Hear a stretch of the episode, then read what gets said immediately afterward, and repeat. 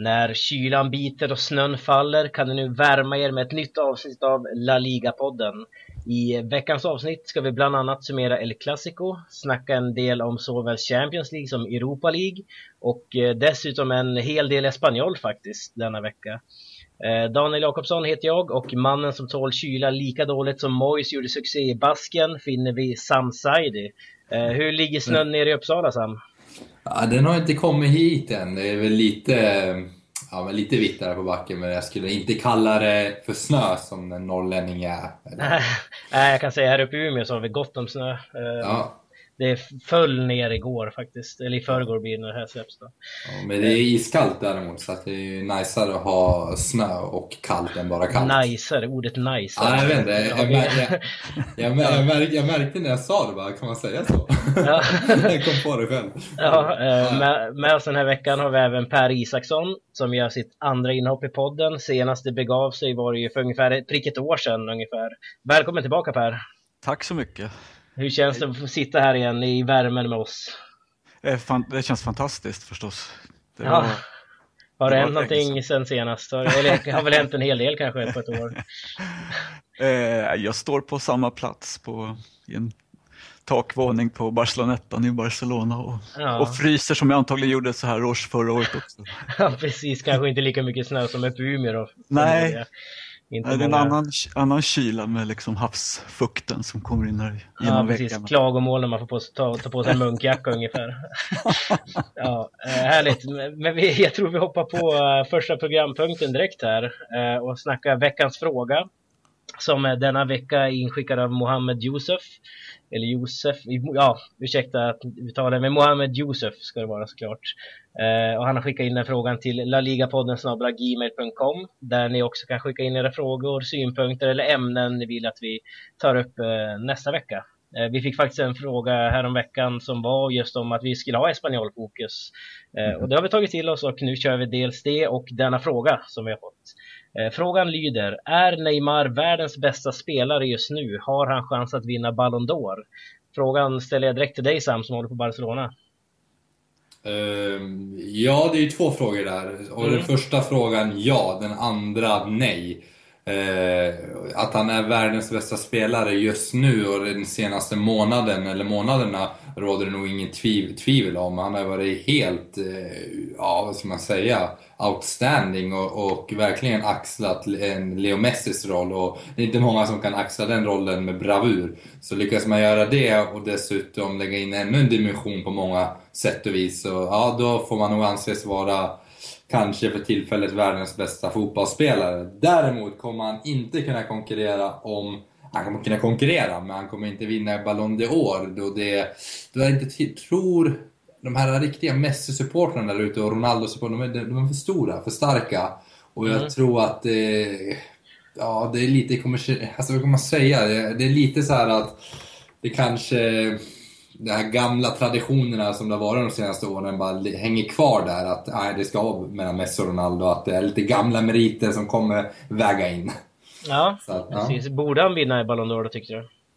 Ja, jag är lite tudelad. Messi var ju också helt outstanding där under våren. Men det var ju Neymar också. Jag passar. Mm, du passar. Eh, ja. Då flyttar vi frågan till Per då.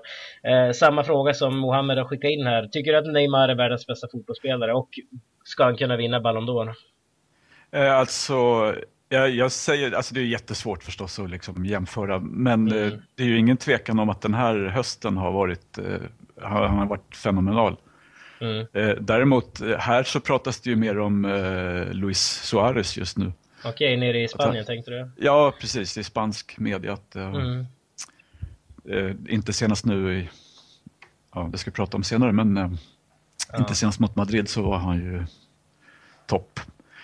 Eh, och Luis Suarez lär inte vinna Ballon d'Or.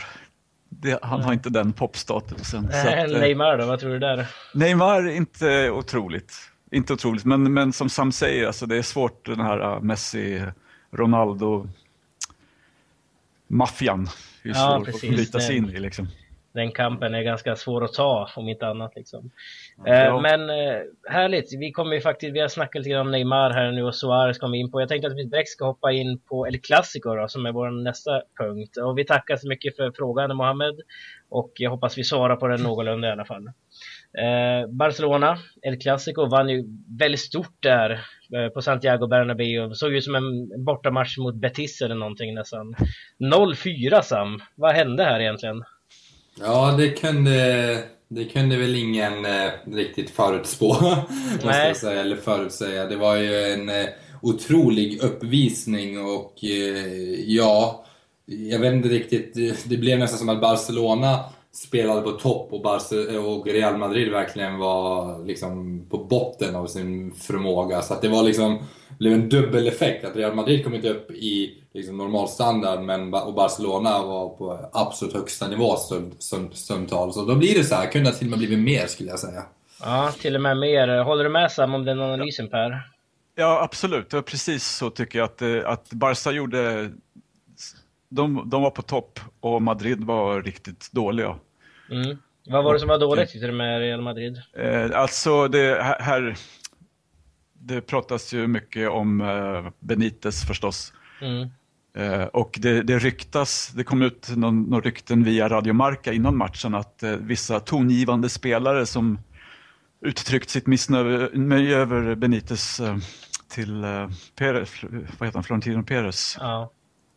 Och, och, och liksom krävt att eh, Perez skulle använda sitt inflytande och se till att Benitez sätter upp, ställer upp med en, med en offensivare laguppställning än vad han gjort mm. de senaste omgångarna. Ja, och det precis. gjorde han ju. Det var ju kanske det som eh, var en del av, yeah. en del av missen. Ja, det kändes ju inte som en Benitis 11 där ute. Nej, det måste vi konstatera. Alltså man slänger James Rodriguez här istället för Casemiro som har varit ganska Exakt. bra ändå tycker jag i defensiven. Han får mycket klagomål då, men det är för, kanske för att han är en ganska destruktiv spelare tänker Precis, jag. ja. Han har ju stoppat upp många motståndarfall sådär mm. mitt på plan. Och han har, han har ju startat, jag tror de fem senaste omgångarna så har han varit startspelare. Liksom. Så det är mm. en, en ganska ma markant förändring. Sådär. Ja, precis. En, en annan sak som jag märker med Danilo, högerbacken här, det är förvisso en okej spelare, men är inte Sam Carvajal fortfarande lite bättre än Danilo? Jag, jag tycker verkligen det, framförallt i defensiven i en sån här match. Ja, det, det pratade vi om tidigare, eller förra poddavsnittet också, att Carvajal är ju en bättre spelare än Danilo. Eh, men här är det återigen, ja, jag har en känsla av att det är en Peres-värvning och då har man lite förtur i kön och får liksom lite extra mm. chanser. Och jag tror inte Benitez riktigt har den makt han önskar han hade. Ja. Nej, men jag tycker han gör fel då Benitez att exempelvis starta med Karim Benzema som har varit borta i sex matcher och hoppa in direkt där sen. Ja, både och. Benzema är ju i sina bästa dagar liksom eh, en, en tongivande spelare och ger en helt annan dimension och gör Ronaldo bättre framförallt. Men nu, nu spelar det varken roll. Nu var ju Benzema som hela Real Madrid under isen och eh, då är det alltid lätt att vara efterklok. Mm. Vi fokuserar en hel del på Real Madrid här nu som gick på en stor torsk. Men om vi vänder på steken och kollar på Barcelona då Per. Eh, vad, vad, gjorde Barca så bra tycker du som faktiskt kunde spela ut på Santiago Bernabéu så enkelt? Alltså, det känns verkligen som att de var bättre på varje position. Från målvakt och framåt liksom. Det var ingen, det var ingen tvekan om eh, mm. hur det skulle, hur, att det var de som ägde matchen från början till slut. Nej, om vi tar liksom, eh, hur, hur spelade Barca egentligen? Var det 4-4-2 där eller? Sam, eller hur upplevde du det Per till att börja med? Eh, det, det, alltså då, de, de, de byter ju positioner och rör sig så, så att det känns inte riktigt, eh, det är liksom inte avgörande hur de ställer upp känns det som. Men det var ju roligt att se Iniesta i, i den goda formen igen. Det var liksom... Ja, ja. verkligen. Det, det, håller jag med om. Men mm. vad säger du Sam? Var det 4-4-2 eller var det mer än 4-3-3 som man brukar kunna se dem spela? Nej, utgångspunkten var som vanligt 4-3-3. Däremot så kan vi ju definitivt säga att Luis Enrique, faktiskt enligt min mening, jag vet inte om det var genomtänkt, men det känns här på efter, eller i efterhand att det var väldigt genomtänkt att sätta Sergio Roberto som höger ytterforward. Mm. Eh, där Munir och eh, Sandro vanligtvis har eh, liksom turats om när Messi varit borta. Och nu var till och med Messi tillbaka. Men, och det var helt rätt att i och för sig Messi började på bänken nu och det var det jag önskade. Men att sätta Sergio Roberto där, det var ett genidrag visste både offensivt, i och med att han låg bakom första målet helt klart, mm. eh, men även defensivt. Barcelona har på senare år haft problem med vänsterkanten, eller Real Madrids vänsterkant, och då tänker jag framförallt på Marcelo som har haft en otroligt grym utveckling de senaste åren och varit väldigt, eh, liksom, fra, eller väldigt framgångsrik i sin offensiv. Och han har skadat Barcelona väldigt ofta från sin vänsterkant och kunna brutit in och ja, det känns farligt varje gång. Men med Sergio Roberto på högerkanten tillsammans med Dani Alves så fick Dani Alves, Alves den backup han behövde. Och Marcelo var ju i stort sett helt osynlig. Och han mm. var ju inte heller så bra defensiv, vilket han, liksom, han annars har utvecklat på senare år. Så att, ja, där tycker jag att Enrique hade gjort en läxa. Påmin mm. Påminner lite om eh, ett genidrag Guardiola gjorde för några år sedan när han satte Dani Alves som ytter, ytter eh, forward och körde Pjoll som högerback. Just det. Mm. Ja, måste vara frustrerande också för Real Madrid här när de ligger under med 0-3 och fem minuter senare byts Lionel Messi in. Jag menar, det, det, måste vara tungt för Benitez och kompani att se liksom när han kliver in på plan där och frisk och kry liksom och ska köra sitt race. Men eh, det blev ju bara ett mål till efter det. Förstås. Han låg i och för sig bakom det. ja, i och för sig då. Eh. Det, så, det som Barca har gjort bra nu det är ju just det att de klarar sig så bra utan Messi och det är ju förstås eh, Neymar och Suarez att de har klivit mm. fram och att de funkar så bra ihop också. Ja, precis. Så, eh, jag tror att det var, Diego Simeone fick ju någon fråga om vad, vad det är som är liksom Barca-offensivens styrka och han pratar ju mer om det här i liksom trupphanteringen, att, att man kan ha de tre superstjärnorna och få alla att trivas och alla funka och liksom alla, alla spelar sitt spel utan att, uh, utan mm. att um, kompromissa på något sätt, utan de, de kör. Ja, ja, det är lite så det är Glenn Strömbergs den här matchen. Jag kan inte heller tänka tillbaka en sån supertrio som har fungerat så bra ihop i modern, ja, under modern fotbollstid. så att, eh, ja. Ja, precis. Men eh, vi ska faktiskt sätta stopp för eh, El Clasico-snacket här och eh, när vi är tillbaka i del två så ska vi prata om Pers lag eh, Espanyol.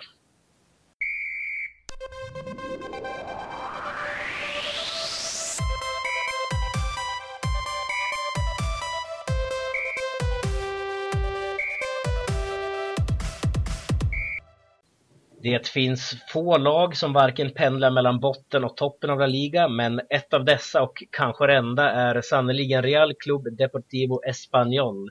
I helgen besegrade katalanerna Malaga med 2-0 och var den andra raka segern om man räknar med träningsmatchen som var tid, förra veckan. Då. Eh, om vi tar den matchen mot Malaga, hur, hur var den segern Per? Eh, den var eh, det, det, började väldigt bra. Espanyol gjorde mål tidigt och sen kändes det som att det var liksom det, mm. det lutade åt Espanyol hela tiden men det var absolut, det var fram och tillbaka så Malaga hade ju två stolpträffar och det kunde ha slutat uh, hur som helst. Mm. Det, det, känns som det är, det är två rätt likvärdiga lag. Just nu har Malaga lite bekymmer, liksom. det är lite besvär. Det kunde Precis. Och det är ju två mål av eh, Hernan Perez också som ja, var det ganska lovande här i början känns det som, eller? Eh, ja, det här var ju klart hans bästa match. Förutom målen så han dominerade sin högerkant där. Mm. Eh, han har gjort en tidigare match som var också bra, men annars har han varit ganska, han har inte riktigt kommit in i det. Han var ju borta i, eh, och spelade landskamp med Paraguay i veckan och där gjorde han tydligen väldigt bra ifrån sig så att det kanske lossnar lite nu. Ja, precis. Eh, Espanyol har ju faktiskt varit lite ifrågasatt under säsongen. De hade någon jobbig svit där för några veckor sedan. Eh, är väl tillbaka någonstans nu kanske. Möter Malaga nu Sam och vinner med 2-0. Eh, vin, varför vinner man den här matchen med Sam? Ja, jag skulle nog eh, säga, ja, bygga eller spinna vidare på det Per sa att eh, det var lite flyt måste vi säga. Det var så här, det kunde sluta lite hur som helst och eh, det var väl lite, vad ska man säga, jag, jag tänker på hans mål där, Peres mål. Båda ska man ju, kan jag tycka Kameni ska ha nästan. Mm. Så kan ni kanske känna några ja, gamla goda tider från Espanyol. bollarna ska in. Nej, men annars så var matchen väldigt jämn och det var en ganska sevärd match. Det var liksom chanser fram och tillbaka. Malaga hade sina lägen. Carles hade ju ett stolpskott där och så var det någon mer som jag inte kommer ihåg. Men eh, å andra sidan kan man också argumentera åt andra hållet att ja, det var, det var lika, gärna, eller lika, lika, lika rättvist som det var orättvist. Mm. så att jag hade nog inte tyckt att det var orättvist om eh, Malaga hade vunnit, men samma sak när det gäller Espanyol. Ja, precis. Uh, manager för Espanyol är ju den gamla Deportivo-legendaren, måste man ändå säga. Sergio González, gamla mittfältaren. Uh, tränare för Espanyol nu, har varit det sedan förra säsongens början. Uh, hur, hur, har det gått med honom i klubben här Per? Om vi kollar tillbaka på det dryga ett och ett halvt åren nästan. Uh, ja, han är väldigt uppskattad för det första, det är ingen mm. tvekan om det. Och han är ju, han kom ju från Espanyol till Depor, han, han spelade ju Förr i tiden så hade inte Espanyol något B-lag utan då var Hospitalet fungerade som Espanyols B-lag. Där hämtade man Sergio González en gång i tiden. Ja. Um, väldigt stor spelare i Galicien måste man säga. Att han blev... det, det, förstår jag, han är ju väldigt, uh, han är en sån där klassisk spansk smart uh, spelfördelare. Liksom. Mm, bra skott uh, hade han också. Och, och, som tränare så känns det som att han har lite samma stil som, äh, inte personlig stil, men som äh, spelambition som Diego Simeone och, eller lite Jörgen Klopp sådär att äh, det är, offensivt aggressivt och mycket adrenalin som gäller. Sen, sen får man anpassa sig mm. efter motstånd, liksom hur man ställer upp, formerar laget och så. Men, men det är liksom ja. energin som är idén på något sätt. Ja, men hur, hur är det om vi tar grundformationen i Espanyol? Hur, är, hur vill Sergio att hans Espanyol ska fungera? Vad är det för uppställning man föredrar här? Eh, eh, han har sagt eh, att han, han vill växla mellan 4-4-2 och 4-3-3. Eh, mm. beroende på motstånd och beroende på vilka spelare som finns, finns tillgängliga och sådär. Eh, det var en period för eh, tidigare i höstas som det funkade väldigt bra offensivt när, när de körde 4-4-2 med Caicedo och Gerard Moreno på topp. Då. Sen, mm. sen skadade sig Moreno och då fick Caicedo köra mer solo på topp och det har ju liksom funkat det också. Det har, alltså, den här säsongen har verkligen varit bipolär. De har typ vunnit varannan match. De, de åtta första ja. omgångarna så var det fyra, fyra vinster, fyra förluster. Sen smög det sig in något kryss där. Liksom. Ja, precis. Men det är ungefär den nivån de ligger på fortfarande. Nu har jag inte tabellen framför ja. mig, men jag tror att det är fem segrar, sex förluster och sånt där. Ja, det och, kan stämma och de ligger ju tio som de ska. Liksom. Så ja, precis. Allt, allt är som det ska i Spanien. Ja, precis. Mm. Uh, hur, hur, ser du på Sergio Sam? Ser du honom som en uh, stor tränare redan eller en kommande tränare eller är det en mittenklubbstränare?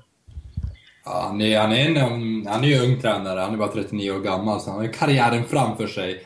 Eh, han är speciell på det sättet, vad ska man säga, vi har ju diskuterat unga intressanta tränare från Spanien. Det kändes som att när Guardiola fick sitt erkännande så kom det också många andra som Guardiola tog upp all uppmärksamhet där ett tag. Eh, mm. Men även Una Emery är ju en, en, en sån här ung tränare från Spanien som har gjort det väldigt bra. Paco Gemes. Men det de har haft gemensamt, det är ju ändå den här moderna possession-fotbollen. Nästan alla Barcelona. De har liksom haft en eh, stark betoning på possession-spelet. Haft väldigt spelskickliga lag och eh, liksom lagt mycket vikt vid mittfältsspelet. Och eh, när det kommer till Sergio däremot så delar jag definitivt den analysen att den påminner mer om en sån Simeone-typ. Att det är liksom lite mer flexibilitet och eh, lite mer aggressivitet och jävla anamma. Eh, och det, det, kan man ju se när Espanyol eh, kör den här matchen så kan man definitivt se eh, de tecknen helt enkelt, eller den spelstilen. Så det, det tycker jag är intressant. Att mm. han skiljer sig från de här andra ungtupparna som av tränare i Spanien. Mm, precis, eh, om vi kollar på spelartruppen lite grann så ser vi där målvakten Paul Lopez exempelvis har fått väldigt stort förtroende av eh, Sergio här nu, startat samtliga matcher i ligan. Eh, hur har det fungerat med Paul Lopez? Väldigt oerfaren målvakt måste man ändå säga Per. Ja, det måste man ju säga och det är väl egentligen det enda som, alltså han, han gör lite sådana där ungdomsmisstag ibland men, men alltså det är en riktigt bra målvakt. Han kommer bli han kommer bli riktigt, riktigt bra. Om det inte händer något eh, konstigt. Han blev förresten nu efter den här omgången uttagen till eh, Fransk fotboll utser ju så här, uh, omgångens Europa-elva. Då hade de Paul Lopez i mål. Okay. Vilket var rätt förvånande. Men, ja, men det är ju ett erkännande ändå liksom. Ja, det är det. Ja. Uh, och, och uh, nej, men det, när Kiko Casillas såldes, eller halva Kiko Casillas såldes till ja.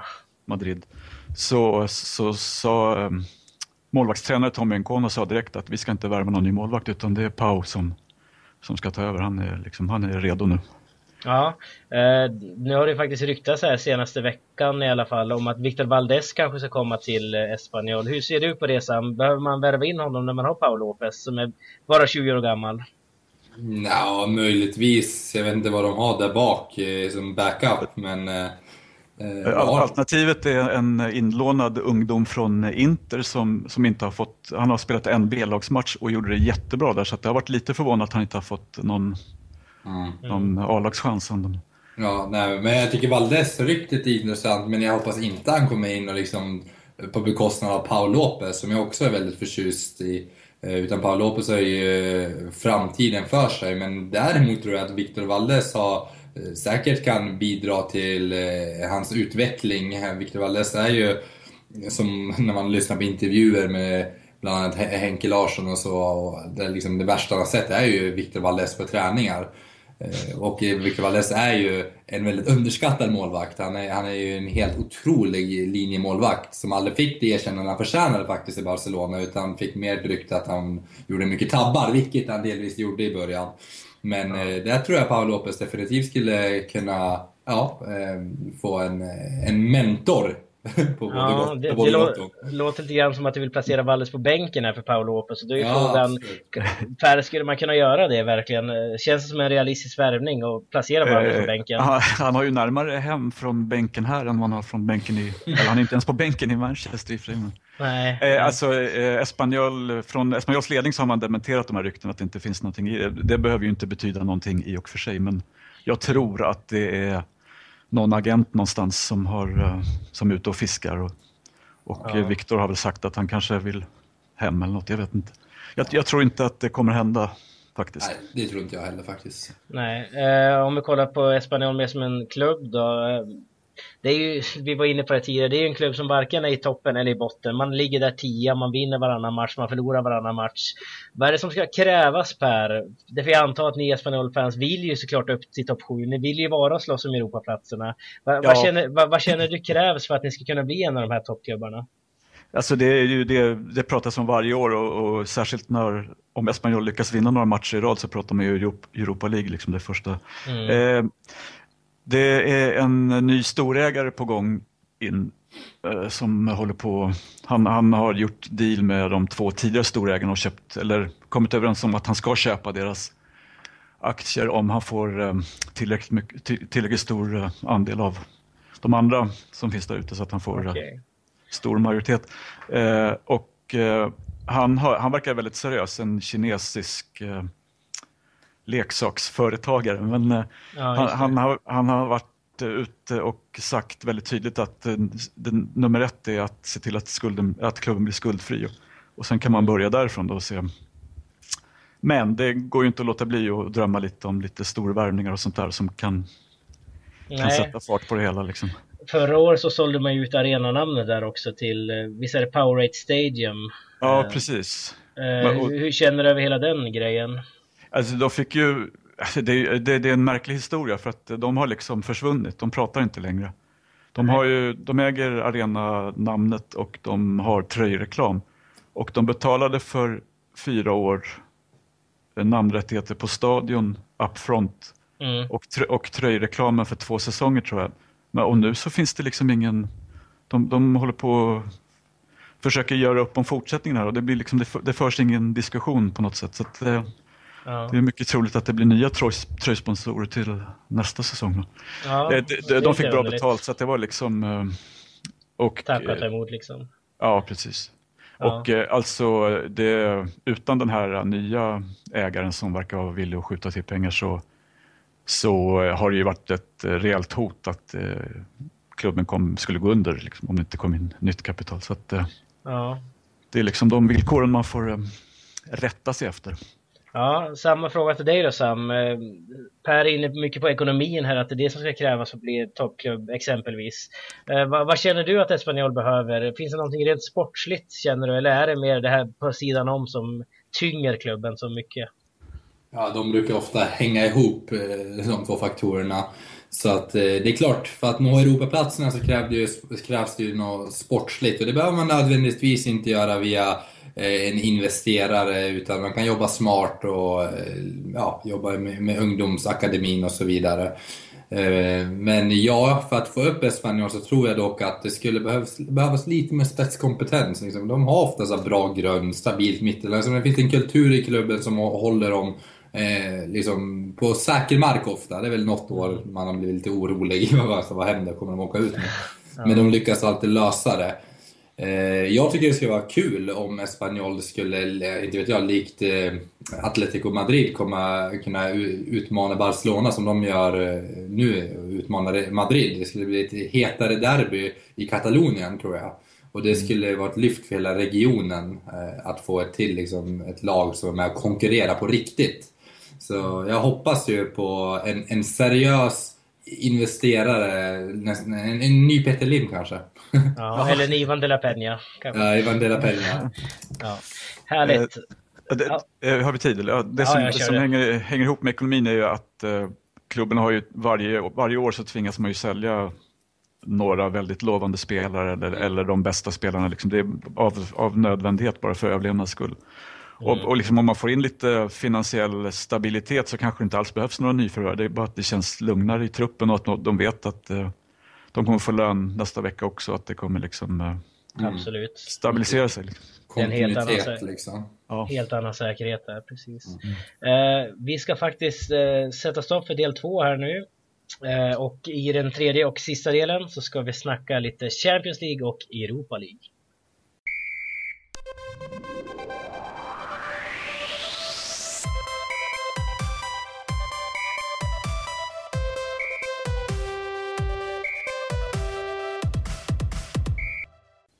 I denna tredje och sista del ska vi fokusera på Europaspelen som går av stapeln under onsdagen och torsdagen.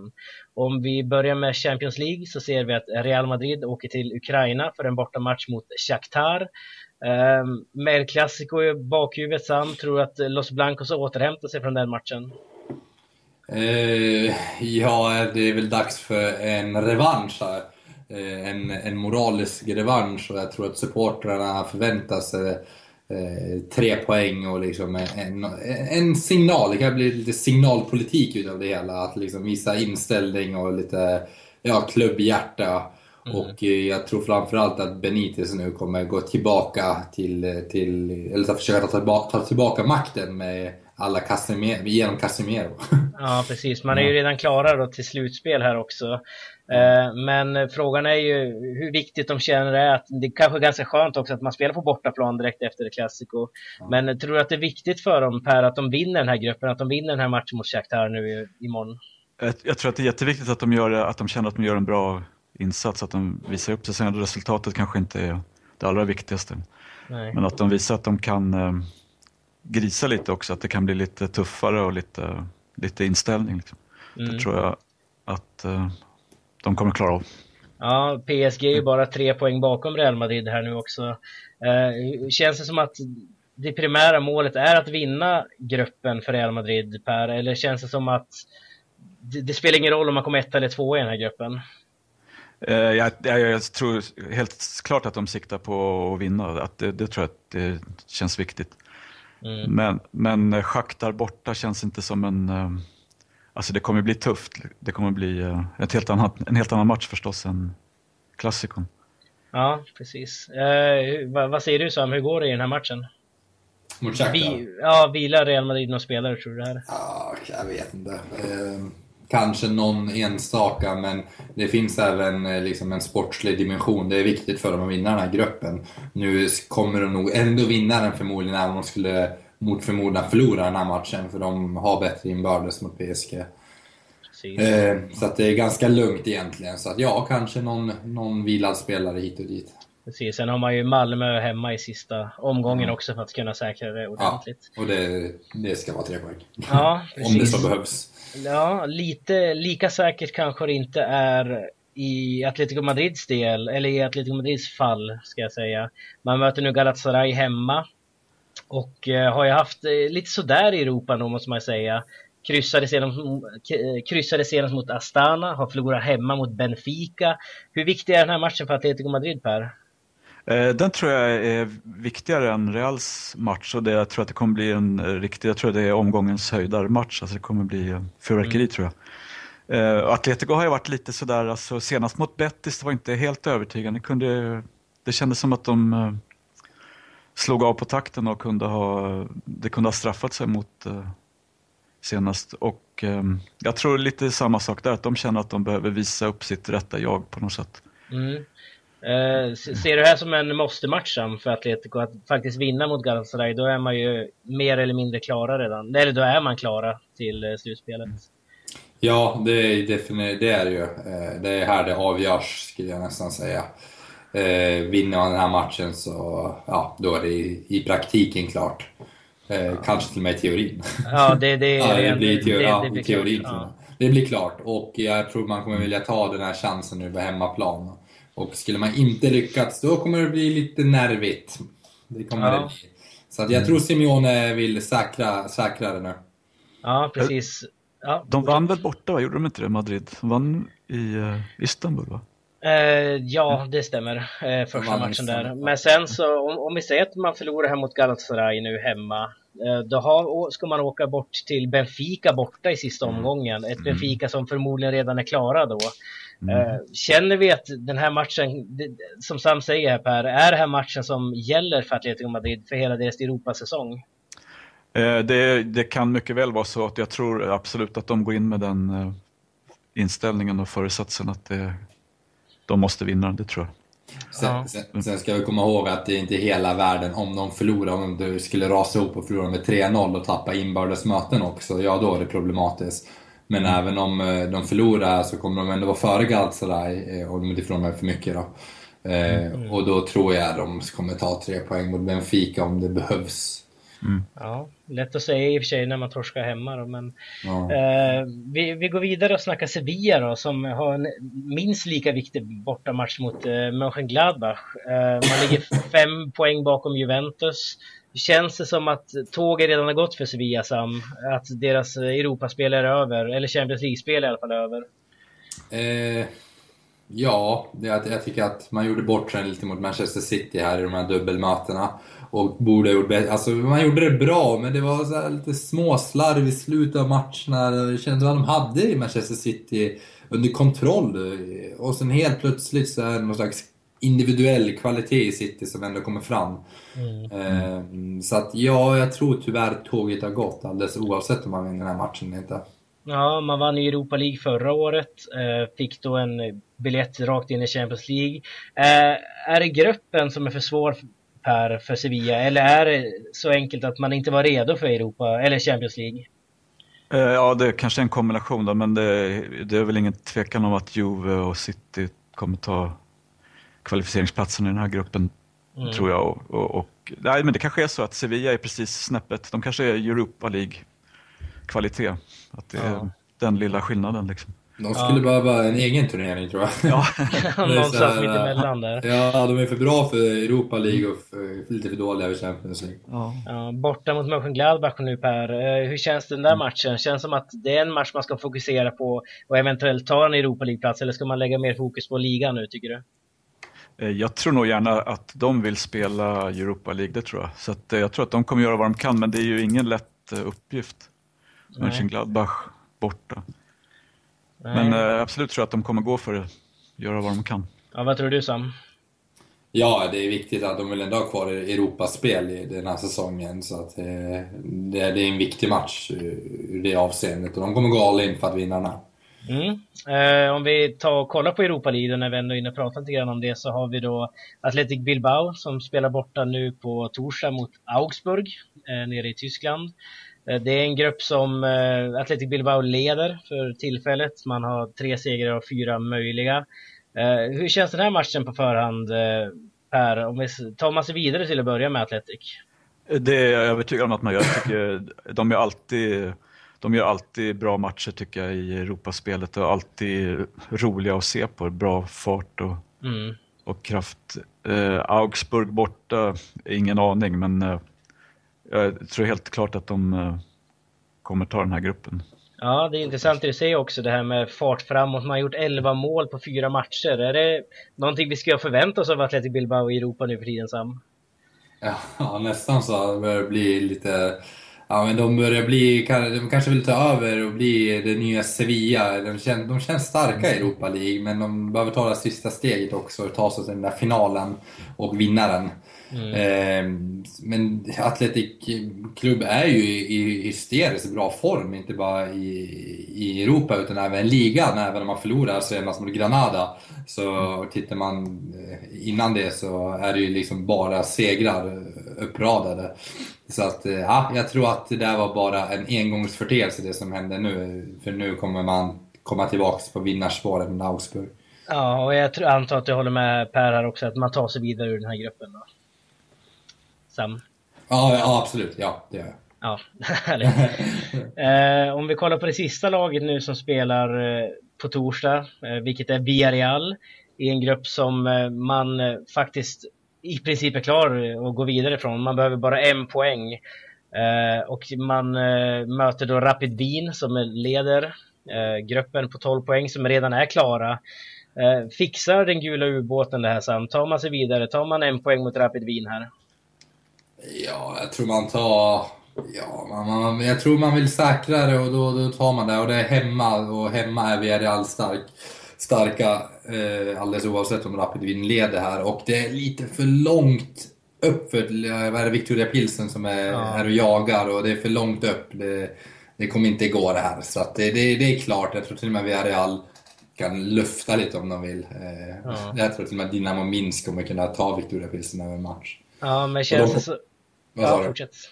Nej, det var inget mer. Nej, okej. Okay. Eh, nej, men känns inte lite grann som att oavsett resultat här mot Rapid Wien så är Villarreal vidare ändå, eller vad känner ja. du Per? Jo, det tror jag väl också, men jag tror säkert att de eh, gärna säkrar det här på hemmaplan. Och det, jag, jag, såg inte hela deras match mot Eibar i helgen, men jag såg ett långt sammandrag. Det kändes ju lite som att de redan hade tankarna där på något sätt, att de var lite, mm. lite de var inte riktigt på, de var inte riktigt där. Sedan är det ju intressant för att det här är ju en liten final också. Man har faktiskt chansen att vinna eh, den här gruppen om man bara slår Rapid Wien nu. Precis, och då kan man slippa lag som exempelvis Liverpool eller Fenerbahce eller Precis, mm. så det kan ju vara viktigt ur det avseendet också. Men jag vet inte hur, vi har ju diskuterat via Reals bredd hur, hur, hur, de kommer klara av Eh, Europa och ligan. Och här gäller det att hitta den här balansen att ja, visst det här är en viktig match i Europa men det är väl ändå ligan som är prio ett. Även om vi någonstans i podden förra gången diskuterade att Villarreal borde köra lite mer seriöst på Europa League för att de har ju truppen för att vinna det. Absolut, absolut. Mm. Får se vad lottningen säger. Det får vi anta att både Athletic Club och eh, Villarreal tar sig vidare och eventuellt få sällskap av Sevilla då. Mm. Det skulle vara kul. Eller ja, tråkigt för Sevilla såklart då, men eh, kul om de hoppar in här och visar Europa League vart, vilka som äger den turneringen så att säga. eh, vi ska faktiskt börja runda av programmet här nu. Eh, men innan vi gör det så ska vi tippa veckans match, eh, vilket är lite lägligt med tanke på att vi snackar om Sevilla lite grann här nu. Eh, då veckans match denna gång är Sevilla-Valencia. Förra veckan så tippade vi El Clasico och det var ju faktiskt ingen, tror det eller ej, som tippade 0-4 till Barcelona. Eh, jag slängde till med 2-2 förra veckan. Sam gissade på 1-2. Meran, eh, som var med förra veckan, gissade 2-1 till Real Madrid. Så att Sam får ju då en poäng för att han gissade rätt, eh, rätt segrare, men eh, inte rätt resultat då tyvärr. Eh, veckans match alltså, Sevilla-Valencia. Jag tänkte att Per, du får börja, du som är gäst. Eh, jag är helt övertygad om att det slutar 1-0 till Sevilla. Det, jag ser det. till Sevilla. Ja, mm. vem, är, vem avgör? Eh, det har jag inte riktigt eh, blick på. Men, nej, men det känns det kommer bli en jämn match och det skulle kunna sluta åt vilket håll som helst. Men Sevilla vinner i kraft av hemmaplan. Mm, det är ändå ett Valencia i lite kris nästan 1-1 hemma mot Espanyol senast också. Eller Las Palmas mm. menar jag såklart. Mm. Eh, Sam, vad, vad, säger du? Sevilla-Valencia? Ja, jag tror också att Sevilla vinner det här. Eh, vinner med 2-1, säger jag. 2-1 säger Sam. Då säger jag faktiskt 0-1 till Valencia. Jag brukar ofta gå emot Sam i de här tippningarna. Tyvärr har det inte gett mig så många resultat än så länge, men eh, 0-1 till Valencia säger jag i alla fall. Härligt! Eh, Sam, veckolistan, vad har vi där denna vecka? Ja, veckolistan. Vi kan börja i vanlig ordning med veckans Tokero och ja, det givna svaret borde väl vara egentligen någonting med Barcelona, men det blir det inte. Eh, utan det blir Borja Baston som jag vill lyfta fram. Eh, som inte har fått någon Tokero-utmärkelse och har gjort det otroligt bra i Eibar som också har gjort det otroligt bra, likt förra hösten. Nu hoppas vi inte på en kollaps igen, för Eibar är ju inte en favorit.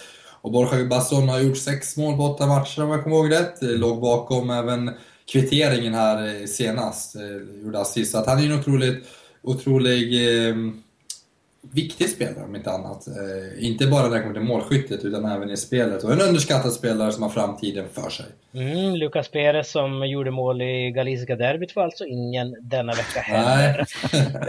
eh, veckans favör då Sam? Veckans favär, det är lite mer relaterat till Clasico och det går ju till hela Real Madrid som jag tycker underpresterar så grovt. Jag vill inte lyfta bort något från Barcelona för att egentligen ska fokus ligga där och liksom vi ska njuta av den fotboll de presterar. Men jag kan inte låta bli att, att tycka att Real Madrid såg så tama ut. Det var en hönsgård, det var så mycket konstiga misstag. Stötbrytningar hit och dit. Ramos på första målet, det är ett juniormisstag. Ronaldo osynlig i vanlig ordning. Det är så här, äh, ja, det, det, det, det är dåligt. I vanlig ordning, ja det fick du in en liten pik där jo, men det, han är väldigt osynlig i spelet och när han inte får göra mål då, då, då, blir, så, då blir hans brister så uppenbara. Jag menar, när, om vi ska göra den här klassiska jämförelsen, jämförelsen Messi, när han är ur form, han är, man ser honom på planen och han kommer ner och hämtar boll ofta och sen blir det inte så mycket bättre när han är i dålig form eller någonting utan han slår ofta bort den. Men han är i alla fall delaktig. Eh, Ronaldo, han liksom försvinner bara. Mm, så här frispråkig var det inte i Real Madrid-podden förra veckan. Fick vi inte höra så mycket om Ronaldo. Nej, men jag, jag har alltid varit lite kritisk mot Ronaldo i spelet. Däremot har jag alltid lyft fram honom som den främsta målskytten, utan tvekan. Ja, okej. Okay. Uh, eh, köper du listan Per? Jag tycker eh, Real Madrid var ett klockrent val. Det var en riktig platt match av hela gänget. Mm, härligt. Och du tycker också som mig att Lucas Perez ska såklart få veckans Ja, ja, såklart. såklart. Ja. Celta har blivit, alltså de började säsongen så bra så det känns som att de uh, tappar. Ja, det... det... Jag ska inte ta från det på någonting men alltså, det känns som att uh, de har falnat lite. Precis, det är säkert någonting vi kommer komma in på i kommande program skulle jag gissa.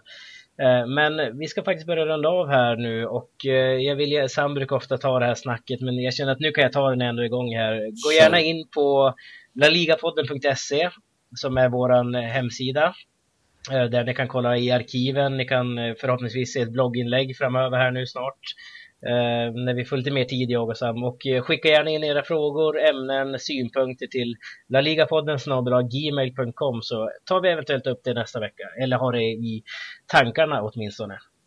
Eh, jag vill tacka dig Per för att du var med denna vecka. Det var jättekul att ha tillbaka dig här. Tack själv. Eh, och eh, jag vill tacka dig också Sam som vanligt. Nu ska du få frysa lite grann tänkte jag säga när du ska ut och springa i Uppsala. Jajamän. Men vi andra vi hörs nästa vecka när vi är tillbaka med en ny gäst och eh, nya programpunkter. Tack för oss. Hej då! Hej då! Hej då!